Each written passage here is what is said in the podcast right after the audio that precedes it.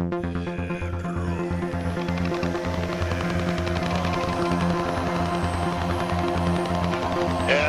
particularly pleased to be sending you this advanced greeting.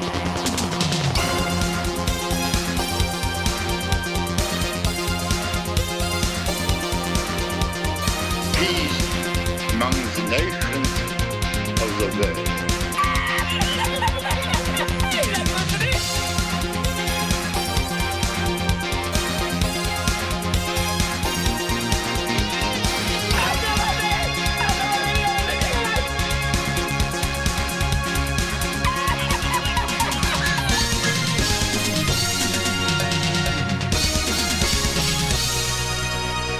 Yes. Um, all right, Pedro. Och då som uh, nästa tema för uh, det här bonusavsnittet hade jag skrivit ner uh, retroporr. Uh, inom parentes sent 70-tal till eh, tidigt 80-tal. Och, och du hade någonting att dela ifrån dig eh, angående retroporr. Ja visst, eh, när man har växt upp här i eh, Centralamerika på, ja men du vet, peakåren var 70-80-talet där. 1984 så kom det ut en, eh, en, en film som förändrade alla våra liv. Den filmen heter Stiff Competition. Är det en, eh, är det en cinematisk upplevelse? Ja. Är det en porrfilm också? Tacka fan för det. Vad är det för typ av porrfilm kanske du undrar? Ja, eh, jag vet inte om, om Pekka har åtnjutit denna film någon gång va, men eh, eh, den har en väldigt eh, delikat story. Det är lite av en eh, Blazing Saddles för porrindustrin så att säga. Blazing Saddles, en eh, parodi och spoof-film på westerngenren. Men här istället så har vi eh, kanske Rocky-filmen eller Kung Fu-filmen, alltså The Story of a Champion, Rising from the Ranks liksom. Och jag tänker att vi tar en liten, uh, en liten filmsynopsis slash review från användare på internet från diverse forum då. Det här är ju människor som då väljer att, ja men du vet, jag lägger en 5-10 minuter på att skriva en review på en porrfilm från 1984 va. Uh, året, ja, 2022 tror jag de här är ifrån, de här reviewsen. Så det är, inte, det är en intressant skara människor som skriver. Och jag måste Eh, säga, alltså, tack, tack till de människor, för det är ju så genom de människor vi skapar content. Så att eh, om det är någon där som Ja. lyssnar och har skrivit den här reviewen, vilket ändå sannolikheten är, eh, den finns. eh, att, att, att, Ja, jag, jag, tänker nämna dem också så att de får sin credit. Okej, credit okej, where credit okej, is due. Eh, men eh, vad jag tänkte säga är att vi är ju inget bättre va, vi gör ju samma sak eh, här onekligen. Men vi börjar. Det här är av en review av en person som heter Bloodspiller. Han ger filmen fyra stjärnor. Uh, a very accessible adult film with a pretty fun premise. Starting out in back alleys, people bet on blowjob races. But one newcomer to underground dick sucking is Tammy the Tongue, who through the course of the film sucks her way to the top, all the way to the World Championship circuit. there's there's really nothing heavy in this porno, and everybody seems to having a good time. A fun scenario that has its fair share of laughs as well. Definitely one of the better adult films I've seen. Ja, det är en positiv review. Sen har vi en något längre Och vet du, review vet här du jag, jag vill bara inflika Mm. där att om någon någonsin eh, gör en eh, spelfilm om Ulf Kristerssons väg till eh, partiledare. Toppen. Så den skulle kunna ha exakt samma review. Sucking your way to the top. Mycket möjligt. Man kanske bara gick inom Svenska kyrkan. Och så han fick sin fru. Eh, men kör. oavsett. nummer nästa review här, alltså bara för att ge en bättre impression. Alltså, vad har den här filmen gjort för intryck på människor som har valt att skriva dessa reviews? Det här är av Dakota Newt som ger filmen hela en, två, tre, fyra, fem stjärnor. Jag antar att det är mest stjärnor. Eh, då skriver han först som rubrik Live, laugh, love, lick. Okej. Uh, tongue, Tammy the Tongue is better than Rocky. And honestly, a suck-off could save America. Utropstecken. This film is so absurd and delightful. It's funny and sex positive. Utropstecken. As a queer man, I'm honestly obsessed with straight men from this era of porn. They look normal, not overly masculine or fit or too fit like gay porn. They embrace body hair. I love Herschel Savage, en, en här i filmen tydligen, whose acting is better here than Blue Eyes. Tydligen en annan porrfilm som jag inte känner till dock. Intressant. Uh, the training montage is genius. It, it's also amazing to see Kitty Navid, Navidad as the lesbian reporter Russ Mayer's partner and star. What a legend, Rip Kitty. Tammy also has a bit in Andy Mulligan's The Weirdo. That's amazing. Mycket referenser här till porrfilmer som man, man mannen känner till alltså. Som en gay man som kollar på straight porr. Alltså, det här är en intressant man måste jag säga. Nej, vänta, Can you vänta, det var imagine how much transman, publicity inte- inte televised suck-off could... Det här är en gay man. Ah. Ja. Eh, han säger så här för att avsluta. Can you imagine how much a publicity televised suck-off could change America and open up so many conversations on sex? Sex for pleasure, sex as sport. Go to training. Jajamän. Så det här är grabbarna. Jag antar att det här är grabbar. Den första vet jag inte, men den andra är ju definitivt den här. Eh, vad känner du när du hör det här? Känner du att det här är en film du, som har gått dig förbi, som du har missat? Eh, definitivt. Jag har tyvärr inte sett den. För eh, jag satt och reflekterade. Fråga regeringen. Ja, liksom. jag, satt och Jag bara refle- frågar dig. jag satt och reflekterade här eh, eh, en stund över att, att, att vi pratade att när liksom var det egentligen som porr eh, pikade som eh, genre. Och, eh, Ja, det är den här perioden ska jag och, vilja och många säger ju det här eh, sent eh, 70-tal, tidigt eh, 80-tal. Alltså typ, vi, om vi drar liksom exakta siffror som många av våra lyssnare är intresserade av, så tro, jag tror att det blir 1977 till 1986 ungefär. Ehm, så det är ungefär nio års period där. Eh, för att vid, vid 86 så hade ju VHS-spelare blivit så vanliga att de Japp. fanns i varje hushåll. Eh, men 84, Mm. det var fan sällsynt att ha en eh, VHS-spelare hemma. Så man får också tänka sig att Mm. eh, sättet att se den här filmen, om man såg den, Ja, ja, första gången, det var i en uh, biosal för sex filmer. Precis. jag vet inte, alltså jag har... My, my brain can't fathom. Alltså, alltså eh, hur det har känts för grabbar på eh, tidig 80 80-tal och man vill se lite porr, man är lite bakis, lite kåt. Och sen så måste man gå in på bio, sitta med en massa andra män och titta på porr. Det är camaraderie. Ja, saker, saker män gör tillsammans, anonymt. Så det är som ett A-möte, man är där men ingen känner varandra. Vad det är att istället för ett A-möte så gör man motsatsen, man gör det, saken istället, liksom, istället för att prata om det. Man bara liksom nickar, nickar lite grann när man köper biljetten in. Precis. Eller så är det bara runkkyrkan, du vet. Det är som du vet, man går dit tillsammans liksom. Ja, det, ja.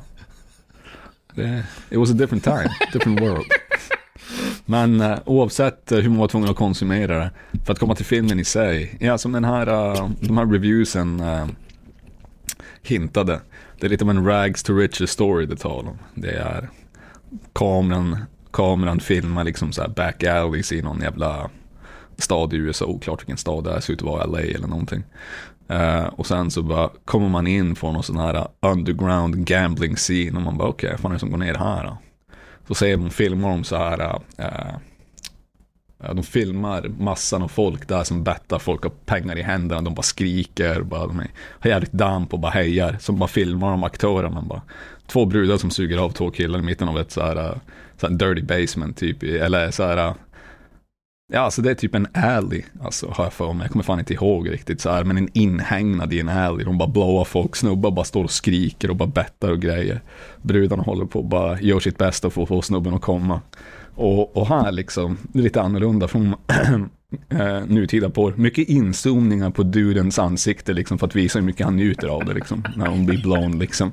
Och så är det som de äger i liksom att de håller emot men där så här bara oh nu, nu kan jag inte mer liksom så, där, Så, så det är som en struggle du vet. Struggle mellan snubben som blir blown och bruden som blåar. liksom sådär att det är en kamp du vet.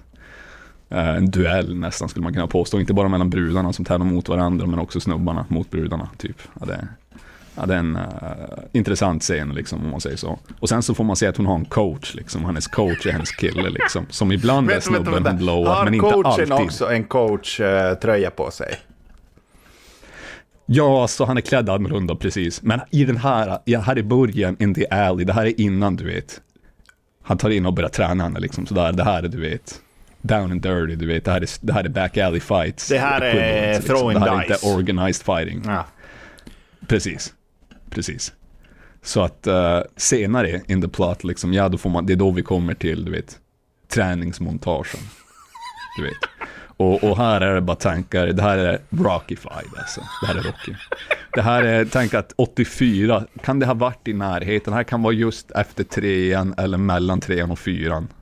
Jag vet inte om fyran hade kommit ut än, alltså Ivan Dragos där. Mm. Men här är det liksom, eh, ska man säga, de har simulerat eh, det vi kallar för träning då i den här filmen. Va?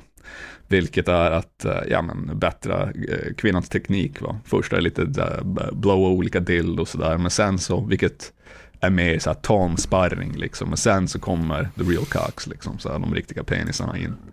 Och då börjar hon med en liksom sådär, han står och shoutar liksom så skriker massa, alltså tränaren då, hennes kille, skriker massa advice till henne liksom så här, olika tekniker typ, alltså likt en slagserie. frågan, är, frågan här är, är varför vet han dem? det här är en man liksom, du vet han är ju tillsammans med henne så han kan ju hennes moves, så han måste ju ha tränat henne liksom. Ah, ja. Och nu måste han vara objektiv, nu är det objektiv träning här liksom, så här, nu måste jag ha fokus på hennes teknik, jag kan inte, du vet, Uh, jag kan inte vara, du vet, uh, jag kan inte vara in the middle of the action, du vet, och ge advice, du vet. Han är smartare än så. Han är som, uh, vad heter han i Iliaden, du vet, är det, vad heter hjälten där? jag glömmer alltid bort hans namn här. grekiska myterna. Så ni, ni hörde min åsikt på Grekland tidigare, så noll koll där. Ja, precis i alla fall, han som, uh, uh, han som binder fast sig i masten liksom för att inte bli förförd av sirenernas sång liksom medan, medan arbetarna så här, uh, ror liksom. Han har lite samma roll här liksom, han kan inte bli förd av sirensången vilket är hennes blowjob skills liksom. Han måste vara objektiv, han måste coacha henne.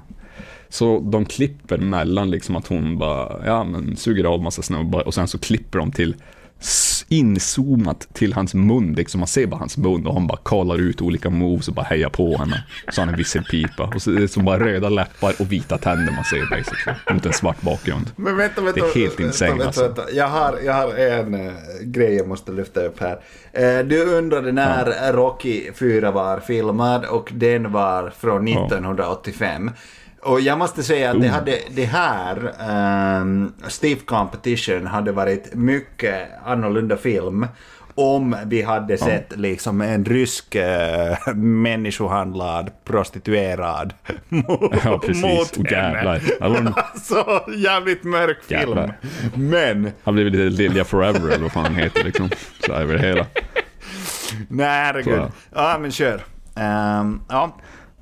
Ja, nej, så att det går fram och tillbaka sådär och sen så blir det bara i slutet av montaget så kör hon bara mot flera opponents så att säga, flera kukar samtidigt och bara går mellan dem sådär. Så att det är en sån, det är ett sånt, det är så eh, den kulminerar och sen så bara i den här världen tydligen så är det här ett, ja som de eh, säger, ett spektakel, en sport, va? en mainstream-sport. Så det skrivs i tidningar att den här Tammy the Tongue, eh, huvudprotagonisten då i filmen, bruden man följer, The Rocky så att säga, av filmen.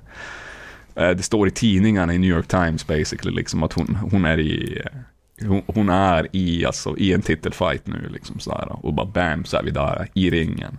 Hon och hennes tränare liksom. Sådär. Vad är det här för lig? Och jag tror det är han. Vad är det här för lig de tävlar? Jag vet inte, det måste vara typ The Blowjob League, inte fan vet jag alltså. Jag har ingen aning. Men alltså det här är, alltså, och då de filmar folk som kollar på det här på TV och alltså det är gamla pensionärer, gamla kvinnor som hejar på liksom sådär. Det är skitroligt. Sådär, alltså det är typ hela familjen alltså. Jag vet inte om barn är med och kollar, men alltså alla åldrar alltså så här, kollar och hejar på och älskar det liksom. Och har typ sin stjärna som de hejar på. Så eh, det sker där inne och självklart liksom, hon lyckas ju vinna va. Eh, eh, Tammy the Thung, så att säga.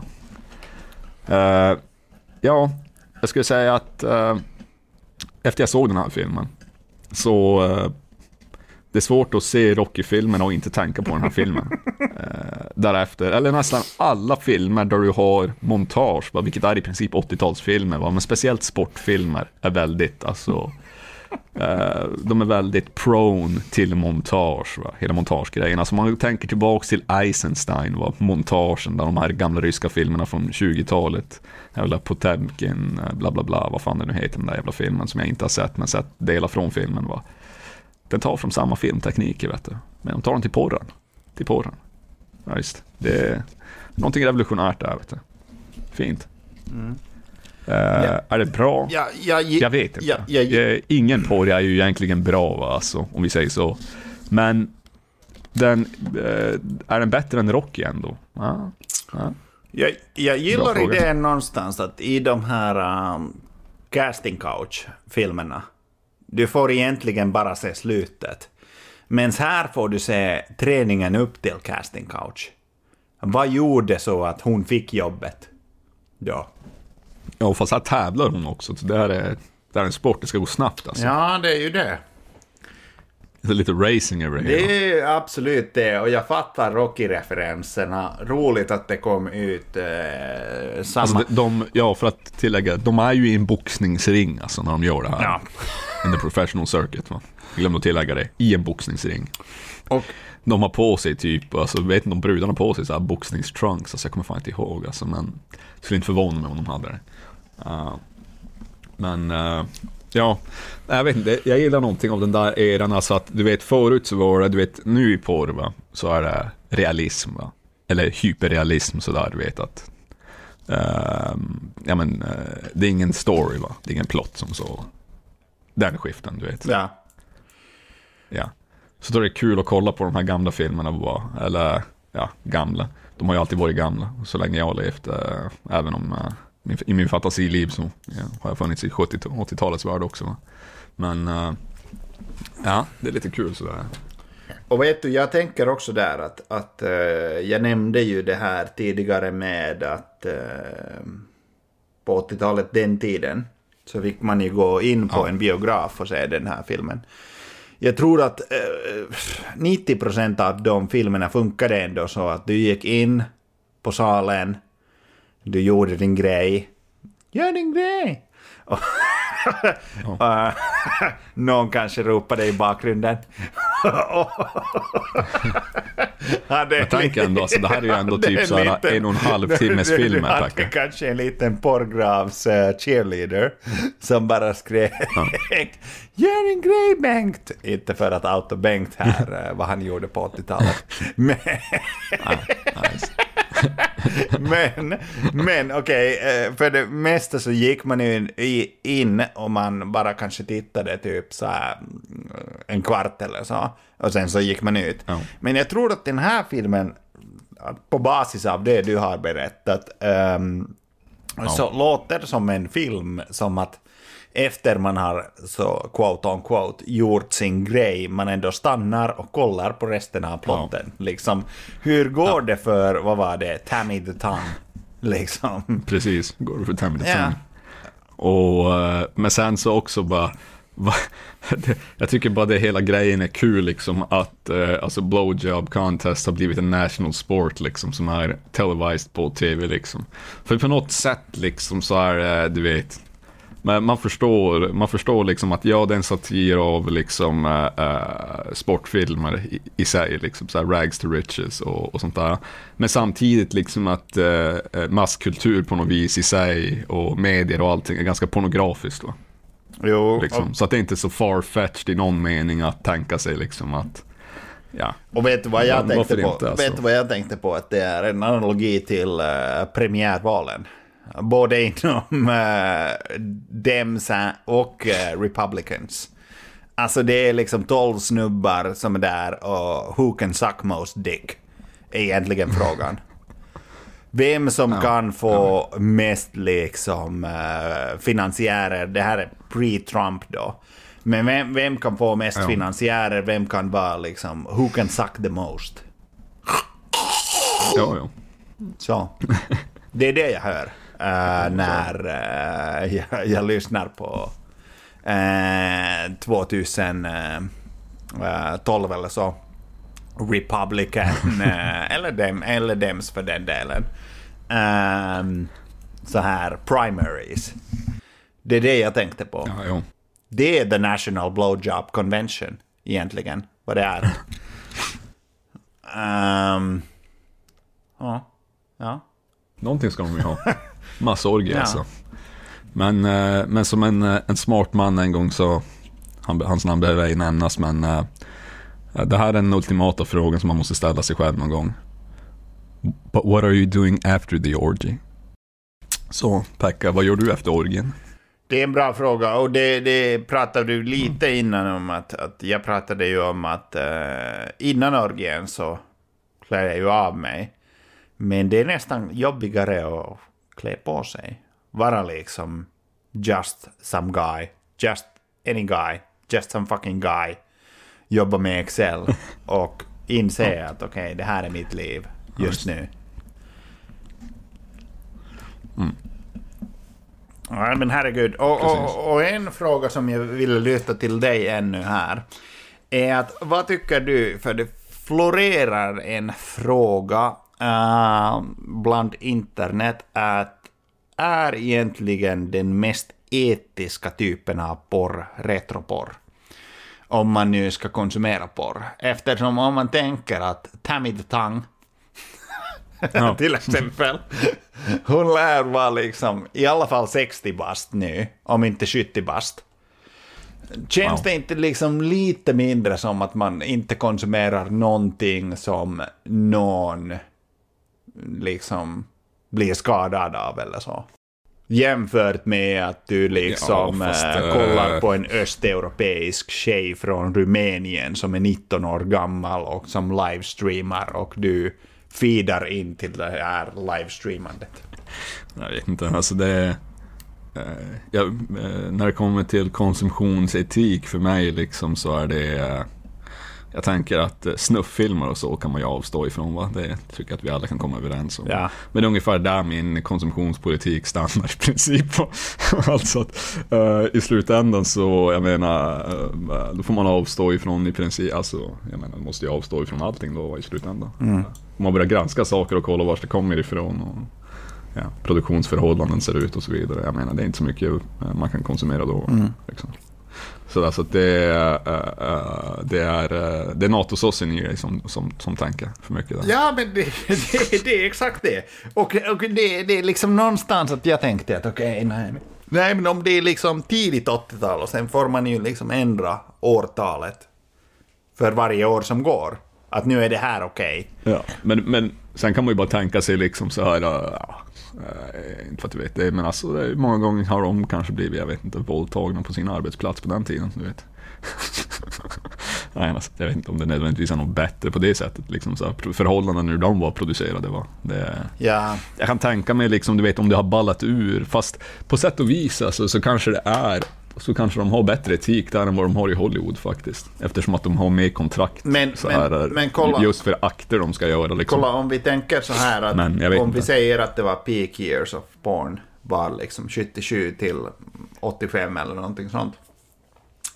Och då så tjänade de, eh, det var mycket para de här filmerna gjorde eftersom de gick på bio och alla, alla betalade sin biljett och så vidare.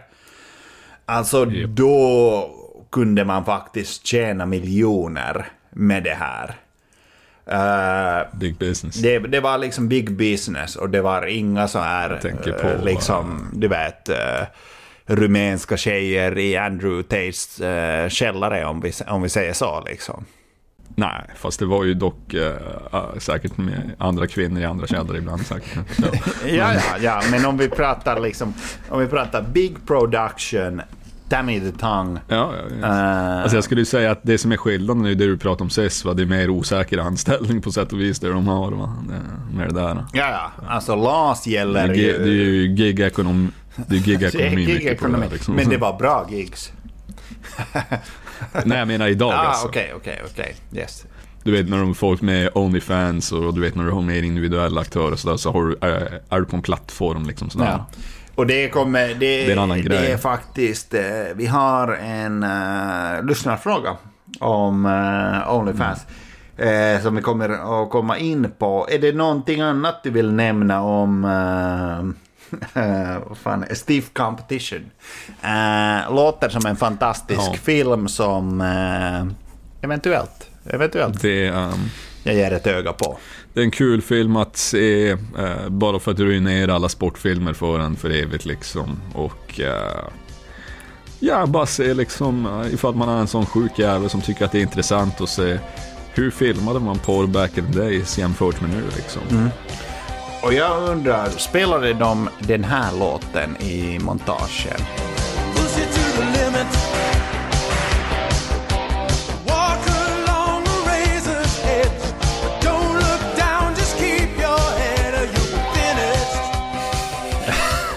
För att eh, egentligen så finns det ju en limit just med den där. Spelade, spelades den på bakgrunden?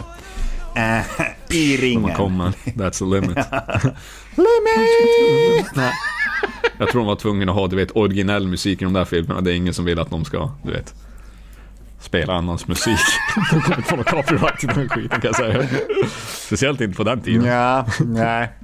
Absolut. Ehm, nej, men tack för den Pedro. Alltså, herregud, här får eh, våra lyssnare Cinema history. Ja, it's a bit of, bit of internet history och den där filmen finns säkert och uh, titta på i alla fall någon server någonstans. Så att, ja. Säkert.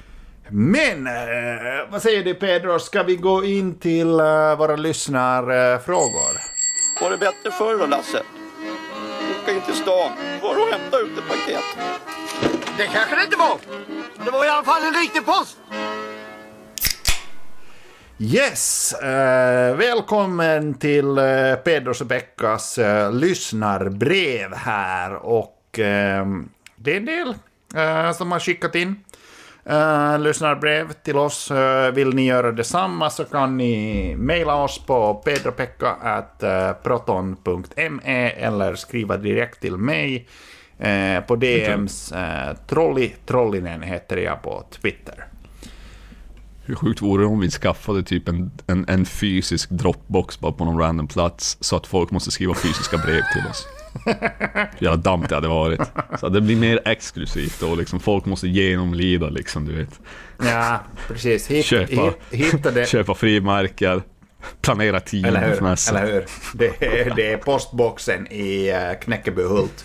Som... eh, Exakt. men ehm, om jag läser första brevet här eh, till Knäckebyhult då, Pedro. Första frågan är faktiskt till dig och det är eh, Johannes som undrar eh, Ska man gifta sig med en autistisk brud eller någon med borderline? Ja, just det. Nej, Mitt, mitt svar är en tredje väg. Eh, det är bara att välja en britt va, så får du, så får du båda. Men eh, nej, ett, eh, jag skulle säga om du är eh, borderline, det är väl alltid intressant, är inte? Lite unpredictable, lite så här. Det kan bli mycket utflykter, sådär. Spon- spontanitet kanske. Jag vet inte, jag har ingen aning. Eh, Jag, jag känner bara att borderline låter intressant, jag kan inget om det. Eh, ja, Ja, det var det jag skulle jag säga. håller med dig. Och, och, Men dock så gå inte ut och fråga folk ifall de är borderline eller autister. Va? Det, det är inte så du ska söka efter folk. Va? Det, kan, eh, kan verka märkligt. Va? Kan verka lite märkligt. Ja, jag dejtar antingen borderline eller autist. Så att eh, du, eh, Johannes, verkar vara lite konstig smak, men hej, you do you. Eh, Kanske världen bara består av antingen autister eller borderlines. Det är ju det. Ehm, när det gäller brudar då. Jag skulle säga att både... skulle lite casual misogyni där av uh, Pekka. Men, men jag skulle säga att, att, att eh, vad gäller den här frågan så, så jag tänker att borderline är någonstans enklare så att med en autist ni ska ha matchande autismer. Liksom det ska vara, mm, jag vet inte, frimärken eller flygplan, olika tågmodeller eller rasbiologi. eh, som, som där det. ni matchar i er autism. Men borderline är mer så här, liksom, du kan ha vilka som helst intressen och ändå dejta en brud med borderline. Och ni är liksom helt fine med det. Sen, sen är det ju massa andra problem som dyker upp med hennes borderline. Men eh, i alla fall får du behålla dina intressen så att uh, do not simply liksom. Bra, bra advice där från uh, Dr. Pack. Yes, Dr. Pekka kör. Och sen så kör vi vidare till andra fråga som kommer från Kajsa. En kvinnlig lyssnare som frågar hur mycket man ska ta betalt för Only, Onlyfans. Har du eh, någon eh, insikt i det, eh, apropå det vi pratat tidigare, eh, Pedro? Ja, just det. Ja, min fråga skulle vara då, eh, vad har du att erbjuda och vad erbjuder du? Samt, vad, vem, är, vem är din målgrupp? Vad är demografin? Va? Är det här unga pojkar? Är det här äldre pojkar? Är det pojkar alls? Är det män det talar om? Är det kvinnor? Vad är det som händer? Eh, men jag tänker att eh, för det första, vad är, vad, vad är en prissättning va? Liksom, på, på Onlyfans? Känner vi till det här? Då?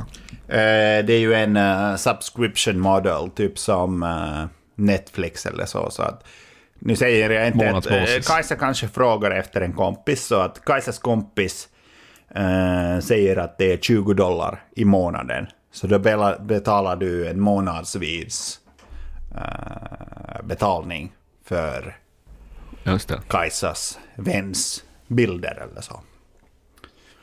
Ja, Precis. Ja, så det, det, det, här är, det här är frågor som håller mig vaken sent på kvällarna. Va? Ja. Eh, 12 eller 13? Alltså, skulle, skulle jag vara villig att betala? Alltså det är ju fan... eh, ja men säg, säg en, fan 150 spänn borde väl folk ha, ha råd med Ja. i månaden då. Ja. Ja, visst. det är det. Det är lite högre Men, frå, men frågan är liksom att, då, eftersom att vi pratade om det här tidigare. Vad är folket vill ha nu för tiden? Va? Vill, de ha, vill de ha den här eh, reality-baserade interaktionen på den? Eller vill de basically bara liksom att du, fan du utspelar scenarion va, helt enkelt. Eller du, alltså din vän, självklart. Eh, utspela scenarion va. Du har, du kanske bara, tänk om du skulle tänk om man skulle kunna återuppliva karaktären Tammy the Tongue. Ja, alltså, jag tänkte exakt samma. I en ny era. Yes, great minds think, era, think alike alltså. Jag tänkte att Tammy the visst. Tongue skulle minst kunna ta... Tänk att det är Rocky coming out of Ja, retirement, lik Sylvester Stallone va. Ja. Hon möter en up and comer va. Du vet. Någon som är hungrig. Det är fan som... eh, Mike Tyson körde ju eh, kanske ett eller två år sedan en fight som en... Som en du, vet, du, du kan ju det här bättre fightingkulturen. Men han körde ju en fight eh, där han inte hade fightats på flera år. Och Jag tänker liksom Tammy the Tongue eh, på Onlyfans. Alltså det skulle folk vilja ja, alltså vi, du läste, du hörde ju recensionerna. Alltså det finns en marknad. Ja, det var magi vet du. Och vet du, det, det, det är egentligen här jag tänker att du egentligen Kajsa, du får googla upp, ehm, eller för din vän, du, du får googla upp uh, någonting som heter Business Model Canvas och eh, göra upp en sån här Business Model Canvas för, eh, för din Onlyfans då. Du måste se till vem, vilka är målgruppen, vad har målgruppen för medelinkomst, Eh, och eh, vad har du att mervärde, som Mark skulle säga, att erbjuda till den här målgruppen då? Precis. Eh, och här kan jag bara dra en liten parallell för att eh, allt egentligen handlar här om eh, principen om eh, utbud och efterfrågan. Och eh, jag fick en väldigt bra förklaring till det här när jag var, jag var själv 14 år gammal och gick på högstadiet av min SO-lärare eh, hemma i eh, Mongoliet. Eh, och min, och min, min SO-lärare Erkki hette han. Han förklarade eh, principen om utbud och efterfrågan genom att prata om eh, blowjobs. Och, och då nämnde han att i viktorianska England, eh, slutet av 1800-talet, så kostade en blowjob tre gånger mer än vanligt samtal, äh, samlag med en prostituerade. Men nu för tiden så kostar en blowjob tre gånger mindre än ett sam samlag med en prostituerade. Och där får man tänka att okej, på 1800-talet äh, äh, det fanns jättestor äh, efterfrågan i England i alla fall för blowjobs. Och. Eh, mens eh, utbudet var väldigt litet för eh, blowjobs i 1800-talets England. Men nu för tiden det är omvänt. Så därför kostar nu för tiden en blowjob eh, tre gånger mindre än ett samlag. Precis. Men eftersom att han är en uh, SO-lärare som bara tänker i termer av ekonomi så missar han den roliga frågan här. Varför var det så att blowjobs var mer eftertraktat på den tiden? Är ju frågan. Varför? Eh, Liksom. ja, ja, jag antar, och så här, jag måste överlag säga att väldigt sus, alltså suspekt, suspekt lärare. Jag tror inte han får jobba kvar, han fick jobba kvar. Men, Jag skulle ändå säga att han har helt rätt. Han, han tar ändå ett ämne som får en att komma ihåg det här. Han har en ja, bra men strategi. titta på mig, liksom 17 år senare så kan jag dra det här med, med, Precis. med, med, med ut, utbud och efterfrågan och förklara det ur minnet. Men det är samtidigt eh, som du sa Pedro då tidigare att ja, den sjunde klassen för mig det är lite blurry liksom. Efter, Ja, efter. precis. Man vet inte riktigt om det, om det var mer än bara stories som skedde där i klassrummet om vi säger så. Men eh, Nej, det var du det, går, det du går någon framtid så går du till en sån här terapeut som är hypnö, så, så får du på hypnos du vet och så bara allting bara forsar. Nej men du vet Hela sjunde det, det, klassen, det, där- året kommer det, tillbaks det där det. ena tisdagen när han ville att jag skulle stanna efter skolan och, och göra läxor Precis. i klassen. Ja. Och lära dig om eft- utbud och efterfrågan.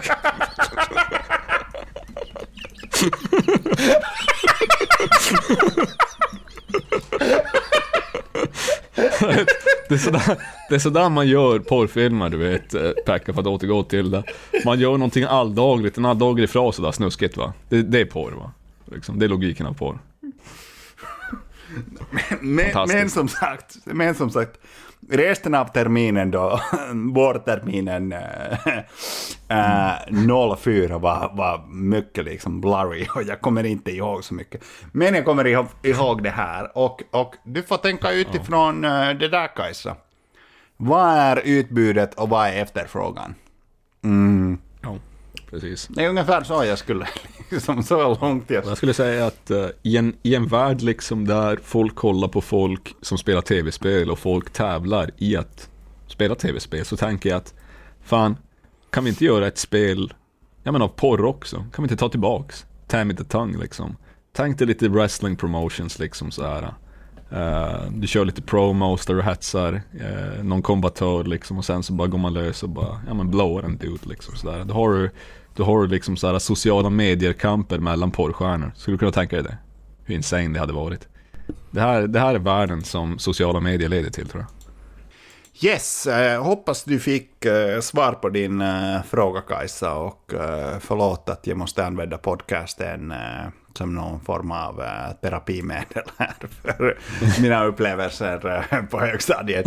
Ehm, men ja, nog med den frågan. Då, då kommer vi in till eh, sista frågan från eh, Grimme. Här, och jag vill, jag vill bara innan, innan vi går in på Grimmens fråga vill jag bara tacka Grimme för han verkar vara poddens främsta lyssnare. Han är en personlighet på eh, Twitter där ni hittar honom med PG Nomad nicken.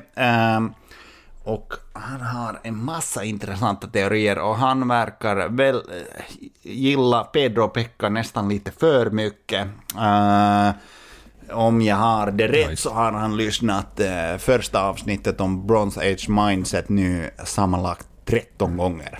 Eh, det är alltså väldigt många timmar av ens liv han har spenderat med, jag skulle, med jag skulle säga Pekka. att eh, han, han kanske håller på att transkribera the book of, uh, the book of Pekka och the book of Pedro, liksom, om vi säger så. Eh, det han kommer att skriva, eller en gospel kanske. The Gospel of Pekka. Och så The Gospel of Pedro. eller, precis, eller bara the, the, gospel, the gospel of the last man at the end of the world, liksom sådär kanske. Ja, det vet, någonting sånt där. Ja. Det hade kunnat vara en fin titel där. Men jag måste säga, alltså det är faktiskt det, det är en bra fråga för att Grimme, jag har tänkt liksom själv så här att vad är det här för typ liksom? Eh, hur kan någon gilla vår podcast så här jävla mycket? Och då insåg jag att inte kan man vara liksom sådär superdum om man gillar oss så mycket. Eller hur? det är mutually exclusive liksom. Som en grej. Så att Grim äh, skriver till oss så här. Hej Pedro och Pekka. Jag undrar hur sociala medier gynnar och försörjer konspirationsteoretiker och teorier. Och vad eh, ni tror sociala me- eh, och hur ni tror sociala medier påverkar ens vardag överlag. Till exempel, vad händer om man tar bort alla sociala medier för tre månader? Eh, och vad händer med sådana frågeställningar? Och då menar han konspirationsteoretiska frågeställningar. Och jag ska länka en uh, Twitter-tråd uh, Grimme Nomad har eh, skrivit om eh, polisen Owen Lind eh, där han lägger upp fula bilder på fula gubbar. Jag har svarat honom. Ko- kommer att hänvisa alla såna hattokar och tosor till den tråden framöver. Så vad säger du Pedro? Vad, vad, vad tar vi till oss frågan här? Vad tror, hur tror vi att på... eh, Alltså, om vi börjar med den första frågan. Hur sociala medier gynnar och försörjer konspirationsteoretiker och teorier? Alltså konspirationsteorier som, som, som så var liksom alltså eh, Eh, jag menar det, det har inte bara med sociala medier att göra liksom. Eh, jag menar det, det har med en massmedieapparat som så att göra liksom. Så fort, jag menar det, så fort du utökar tillgängligheten av information eller kunskap eller vad du nu vill kalla det liksom. Eh, så fort du ökar liksom, jag menar, produktionen av information och kunskap. Liksom. Du kommer inte bara öka produktionen av den typen av information och kunskap som du tycker är god eller rätt eller korrekt. Va? Liksom. Det kommer att öka i alla håll. Va? Det kommer du inte kunna kontrollera liksom, bara via sociala medier. Liksom. Det kan vara så att de uh, blir mer synliga för vissa. Liksom, eller att en vissa människor i en viss grupp kanske hamnar i sådana rutter liksom, där ja, de stöter på sånt mer och mer. Liksom. Men uh, de här konspirationerna får ju liv av någon anledning. Liksom. Ja, eller hur? Exakt, exakt. Eh, och visst, de kan ju fl- florera på sociala medier och så, men eh, problemet är liksom att eh, om du skulle ta bort sociala medier, va, skulle folk sluta ha konspirationer. Liksom, va. Nej, alltså det, det är ju...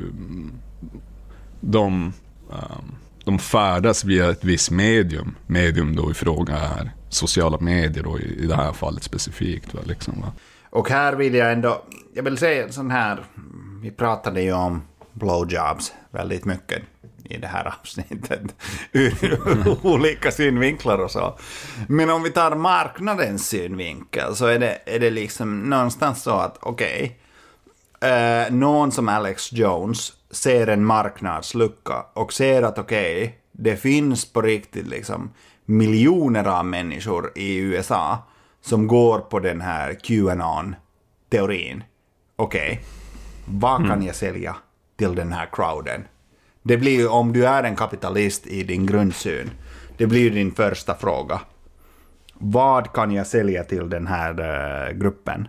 Och då finns det en lucka i marknaden och det är såklart att i ett kapitalistiskt system så fyller någon den luckan. Det är liksom, det är bara so it is liksom. Eh, konspirationsteorier om de finns, om de finns i så här stor utsträckning, så kommer någon att fylla den där luckan. Jo, precis. Men det är ju alltså att de kan inte sälja någonting ifall det inte fyller en funktion för någon va. Det vill säga de som hör den och de som tar till sig den va. Så vad får de ut utav det liksom va. Varför är vissa, varför slår vissa konspirationsteorier till viss utsträckning på vissa grupper till exempel. Va? Eh, liksom varför eh, de håller på att prata om till exempel att, uh, uh, vad de säger, uh, post, post-truth era uh, gillar folk att prata om och så vidare. Va? Liksom att uh, de pratar om, det är ju till den, det koncept eller den, ja, beskrivningen så hör ju till liksom fake news etc. och så vidare. Mhm, Va? Liksom mhm. att det finns alternativa fakta och så Oh vidare. Va? Sådana Ja. saker. Va? Ja. Det vill säga att de menar liksom att det finns, uh, men, men då tror de ju på allvar liksom att uh, uh, vi lever i en värld där det finns en naturlig referent va, som vi kan referera till va, utanför massmedia. Va. Alltså i en värld som vi lever i idag va, så finns det ingenting utanför massmedia va, eftersom att all fakta, all information, information etc. sånt där medieras via en massmediaapparat va, eller hur, som vi kommer i kontakt med. Då blir saker och ting verkliga många gånger. I den utsträckning som massmedia som rapporterar på en event så att den ger, eh, så att den ger en effekt i den allmänna populationen i form av vad de tänker och hur de agerar mot världen. Va? Det är så en event blir verklig idag, va? inte huruvida den har hänt eller inte hänt. Va? Så när de håller på att argumentera va, på det viset över om det här är sant, det här är inte sant, va? du kommer aldrig att kunna argumentera mot det, ja, eftersom att du kan peka på så många saker liksom, eh, som kan tyda i den andra riktningen va, ifall du är, ja, ifall du är eh, villig att tro på sådana saker. Va? Och att argumentera emot folk på planet av fakta och så vidare. Va? Det är en lönlös kamp. Va? Kommer aldrig vinna den kampen. Va? För det handlar inte om fakta i slutändan. Va? Och det har aldrig egentligen handlat om fakta och så vidare. Va? Eh, det är alltså vilket narrativ du mobiliserar liksom med hjälp av fakta. Va? Har att göra med din disposition redan från början. Va? Liksom. Jag har alltid tänkt med eh, till din ursprungliga fråga eh, som var varför tror man på konspirationsteorier? Är att den ger oftast väldigt enkel förklaringsmodell till världen som sådan. Fast inte alltid. Eh, inte alltid, men, Tänk dig men Flat det Earthers. finns viss... eh, Tänk dig Flat det- Earthers. Vet du hur komplicerat det skulle vara att komma fram med en teori som skulle säga att jorden är platt när den inte är? Alltså Ja, deras projekt men- är men- extremt svårt alltså. Men, men, men så här, och, och det här kommer vi eh, komma mer in på ett specialavsnitt, men, men tänk nu liksom kort judar då. Ja. Om man tror liksom den här judiska konspirationsteorin så då har du en väldigt enkel förklaringsmodell till ungefär mm, all ondska i världen. Det är juden som står bakom där och gnuggar händerna med en stor näsa. Det, det är det som eh, finns i din hjärna varje gång eh, någon, någonting misslyckad händer i ditt liv eller i ditt land. Okej, ja, Ja. det var juden. Men, men, du, men du överser en aspekt där, vilket blir att när du har en så pass enkel förklaring till någonting, alltså, alltså vad som är faktorn kausalt sett liksom i, i världen som har lett till problem. Va? Din förklaring av hur detta går till blir ex, måste bli nödvändigtvis extremt fucking komplex för att återuppbära den här simpla tesen. Va? Förstår du vad jag menar? Va? För ett sånt problem kan inte svaras med en så enkel lösning. Va? Och för att få den här generella enkla tesen att hålla så måste du ha helt fucking sjuka förklaringar liksom till varför det här stämmer. Va? Och det är jävligt kreativt för det mesta. Va? Och eh, komplext och, och det ibland, finns, liksom. det finns, eh, det ser jag dagligen. eh, Tänk dig Qanon till exempel. Det de håller på med är vad jag skulle kalla för mass media divination. Va? det man höll på med förut när man försöker spå framtiden eller spå Guds intentioner i religiösa texter va? genom att analysera symboler, ordningen av bokstäver etc. Va? Det är ungefär det de gör. Va? De kollar, de ser, ah, okej, okay, här så finns det en eh, triangel som symboliserar detta. Här har de, använder de ordet, jag vet inte, pizza och shit liksom i referens till eh, till när de pratar om någon välgörenhet, liksom, det betyder detta och detta. Liksom. Och ur detta så kan de utröna då en symbolisk mening från massa olika så här scattered pieces of information och knyta ihop det. Va? Eh, det här är alltså alkemi delvis, va? Eller följer den typen av logik. Va? Så är det definitivt och eh, någonting till det där att det är också liksom eh, som Grimme lite grann var inne på där att det är ju liksom en eh, självförstärkande liksom, spiral som händer på eh, sociala medier med detta. Eh, på grund av till exempel YouTubes eh, algoritmer då. Eh, jag eh, kan rekommendera Krimme eller eh, den lyssnaren som fortfarande är kvar med oss en podcast som heter eh, The Rabbit Hole. Eh, en podcastserie som gjordes av eh, New York Times eh, där de utforskade hur olika personer hade blivit radikaliserade på internet. Och det är väldigt enkelt att se, alltså startar du en Twitter-profil eller kollar du saker på YouTube så matar ju algoritmen dig saker du gillar va. Och gillar du judiska konspirationsteorier så kommer den ge dig mer och mer konspirationsteorier om flat earth eller om, om judar eller bla bla bla. Ja, men jag tänker liksom att uh, det är någon som har sökt ut det va, i slutändan. Så att problemet är för mig har aldrig varit algoritmer egentligen va. Nej, nej, nej, men algoritmerna är en del av problemet på det sättet att den nej, matar ju Jag tänker att de här... uh, när man tänker på det viset, va, då tänker du på något vis att det finns en god användning av algoritmer. Va? Mm. Mm.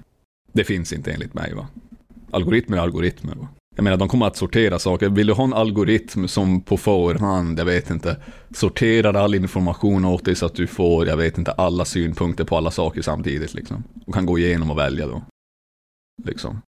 Jag vet inte om det leder till någonting bättre i slutändan liksom, eller leder det till mer confusion och inaction liksom. Va? De blir paralyserade av information också. Va? Uh, Nej, men kolla så här. Liksom tidigare så filtrerades det man fick uh, ut från världen av säg massmedia, tidningar, eh, tv och så vidare. Mm. Och nu är det egentligen du som filtrerar det du får. Mm. Men om du och väljer att kolla på SVT eller om du väljer att kolla på trean och femman så kommer du få ett visst sortiment, ett visst paketutbud. Va? Det är bara det att paketutbudet mm. är något mer, ännu mer specificerat. Va? Men paketutbudet har alltid funnits. Va? Läser du Aftonbladet, ja. Expressen, DN, du kommer få olika intryck där också. Va? Absolut, men agenten här blir liksom jag. Och då säger jag jag som en person som tror på konspirationsteorier. Och då matas jag varje dag med mer och mer konspirationer. Um, till skillnad uh, från att det är någon annan som matar så att säga algoritmen. Mm. Men jag menar att... Men äh, motståndaren till mig skulle jag säga att äh, ja, men det är för att du inte, du, du inte vågar öppna liksom tredje ögat, Pekka. Du är för rädd. Du har inte tagit äh, the red pill full ut. Jag menar, i, i slutändan var konspirationer och så vidare till den utsträckning att den leder till aktion i någon form av så här, jag vet inte om man kallar det för masspsykos, men det, om vi agerar mot uh, uh, entiteter i världen som inte existerar, va? eller fenomen i världen som inte existerar alls, utan existerar i våra huvuden, va? och så agerar vi ut det på världen. Liksom. Uh, det här sker i alla tider, i alla samhällen, va? av någon anledning. Då kan man kolla i tidsepokerna när det här sker, liksom. varför sker det? Liksom, så här. När Gutenbergpressen hade kommit till exempel, först så började du att printa biblar och så vidare. Men strax därefter så var det inte bibeln bara som printades. Va? liksom de första dagbladen, nyhetstidningarna, var, förutom att ha, du vet, med så här äh, information för köpmän att göra, basically när äh, varor kommer in etc. Ja, det blir de första, så de sprider, sprider omkring rumors va. Eller hur? Va?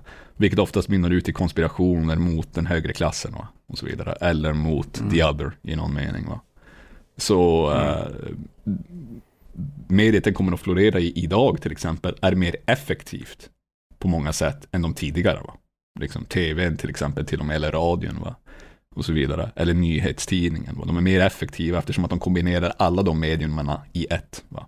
Plus att det har skett en brutal eskalering av information. Va? Så ju mer god information vi får, ju mer educated information vi får, ja, ju mycket i samma utsträckning så ökar all det folk skulle kalla då för dålig information i samma utsträckning. Va? När du gör de här sakerna, att du utvecklar massmediasystem på det här viset, så kan du inte förvänta dig att du kan kontrollera det ena och släppa lös det andra, va? det goda och förhindra det onda. Va? Det går inte. Va? När du liberatar information på det här sättet så liberatar du allting på samma gång. Om du blir missnöjd med hur folk tolkar världen och sprider information, va? tough titties alltså. du kommer inte kunna göra någonting åt det alltså. I slutändan, va? konspirationer kommer där att finnas. Va? Så länge det finns social tensions. Va? Det är bara det att folk Jo, kan uttrycka det- dem det- nu mer på måfå anonymt, va? som folk inte gillar. För folk behöver inte stå bakom det de säger något mer. Va? Jag tror det stör sig folk på väldigt mycket. Nej, och det, det, alltså, jag tror det är ju inte heller att man blir av med, alltså man tittar från det, liksom USAs historia från Abraham Lincoln och så, och så vidare så har ju Vad är det här med Illuminati och Secret Ja, ja, Societies? det- Det, det- fanns ju på 1800-talet det, det finns ju, ja, ja alltså det, det är jättelång eh, historia bakom dem. Men eh, jag vill ändå säga att liksom det här liksom, det är en ny tid av konspirationsteorier där de får så mycket plats i samhället på något sätt. Och där vill jag liksom dra ett streck så att säga. Och eh, komma till Grimmes andra fråga som eh, var hur tror ni att... Nej, vad händer om man tar bort alla sociala medier eh, för eh, alla i tre månader? Och vad händer med sådana frågeställningar? tror folk knullar lite mer kanske. Ja. Ungefär det va? Kort och koncist. vad mera kanske? Mm. Mer reflektion på toaletten när man skiter, du vet. Sitter där och tänker och funderar. Eh, Mm. Någon kanske läser en bok mera. Alltså en fysisk bok liksom. Sådär. De kanske läser Mm. böcker på telefonen, jag vet inte. Nej. Bra, bra spaningar. Jag tänkte själv eh, på det här att man får eventuellt, i den bästa av världar, så får man riktiga minnen istället för att få så kallade memories som man får på Facebook. För eh, om vi tar nu en riktig boomer media eh, som Facebook, så där, där får du en påminnelse om att hej, 20 år sedan så gjorde du det här. Och du får, får alltså en notification upp i din telefon som heter Facebook Memory. Och man ska skilja mellan min, riktiga minnen, det du har av ditt liv, och de här Facebook Memories. För att jag skulle argumentera att de här Facebook Memories, de finns inte på riktigt. De är bara där i det sociala. Så, eh, social media universe. De finns där. Och det är ett farligt fenomen att gå, i, eh, gå och leva sitt liv och jakta efter likes och reactions och så vidare. För att sen om fem år få en memory istället för ett Precis. minne. Jag skulle tänka mig, liksom, om vi tar bort sociala medier, liksom, om vi går tillbaka till den frågan, så tänker jag liksom att det skulle också kunna vara så att motsatta saker händer, att folk blir bara jävligt mycket mer deprimerade på en gång. Och eftersom att du vet, majoriteten för de som är väldiga brukare av sociala medier, och då pratar jag här om du vet, typ Instagram, eh, Twitter, eh, där, kanske Yes, till och med yes. Facebook, där du postar liksom, där du är typ aktiv på något vis, är, antingen med bild eller text. Då. Eh, I en sån värld, där lämnar du typ mer spår av dig själv, att du har levt och lever och gör saker än någon annanstans i ditt liv. Va? För det mesta, liksom. det bara mynnar ut i ingenting för det mesta. Så du är arbetsplatsen, du får en paycheck, det är som i något arkiv någonstans, du har ett körkort sådär kanske, och du har lite minne med familjen. Va? Men i den offentliga sfären så finns du mera på, där på sociala medier. Så det blir som en existens som för, försvinner. Man har ju hört så stories av folk, du vet de har blivit locked out av deras accounts, de har blivit deletade och de Alltså de eh, bryter ihop liksom som att en livskris har skett liksom. Jag har förlorat någonting. nästan av sig själv på något märkligt vis liksom. Eh, Oh ja, alltså en, Så någonting sånt skulle ju kunna en ske för många. eh, kolla, kolla, kolla så här, en analogi blir att en avokado blir, avokadomacka blir bara en avokadomacka. Och ingenting visst, mer. Ja, just. Den är inte mer verklig än så va? Det är inga reactions, inga likes. Ja, Det är bara en macka Precis, det är ju- med en ganska konstig grej att sätta på mackan. Ja. Liksom, Där har man ju begreppet eh, eh, som en, en skön fransman en gång myntade, eh, hyperreality. Liksom. De har ju exemplet där med eh, eh, Facebook-minnet som är kul. Liksom, så här, och då är ju, Du har referenten då till saken i sig, minnet. va. Ditt minne är någonting som du har ett minne av för att du har gjort det. Du har erfarat det, eller hur? va? Så ditt minne är egentligen en referent till någonting i ditt liv från första början, va? eller hur?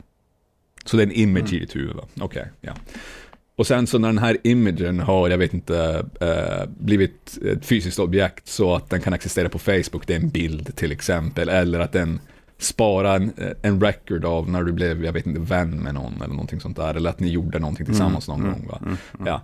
Då är det här en dubbel, en, en kopia av, eller det refererar till ditt minne vars minne refererar till en konkret händelse. Va? Så det är här, äh, det är två steps removed från verkligheten. Va? Ditt minne, ett step, den två. Va? Eller hur? Nu säljs den tillbaks till dig att konsumera på internet till dig här, äh, artificiellt sett utifrån som en produkt. Va? Eh, och det får en fråga då liksom, när man pratar om konspirationer och så vidare. Va? Eh, vars är minnet mest verkligt då, mest sant? Där? äh? Eller här? Eller för slutar det vara verkligt när det skedde liksom. Och allting är en illusion va.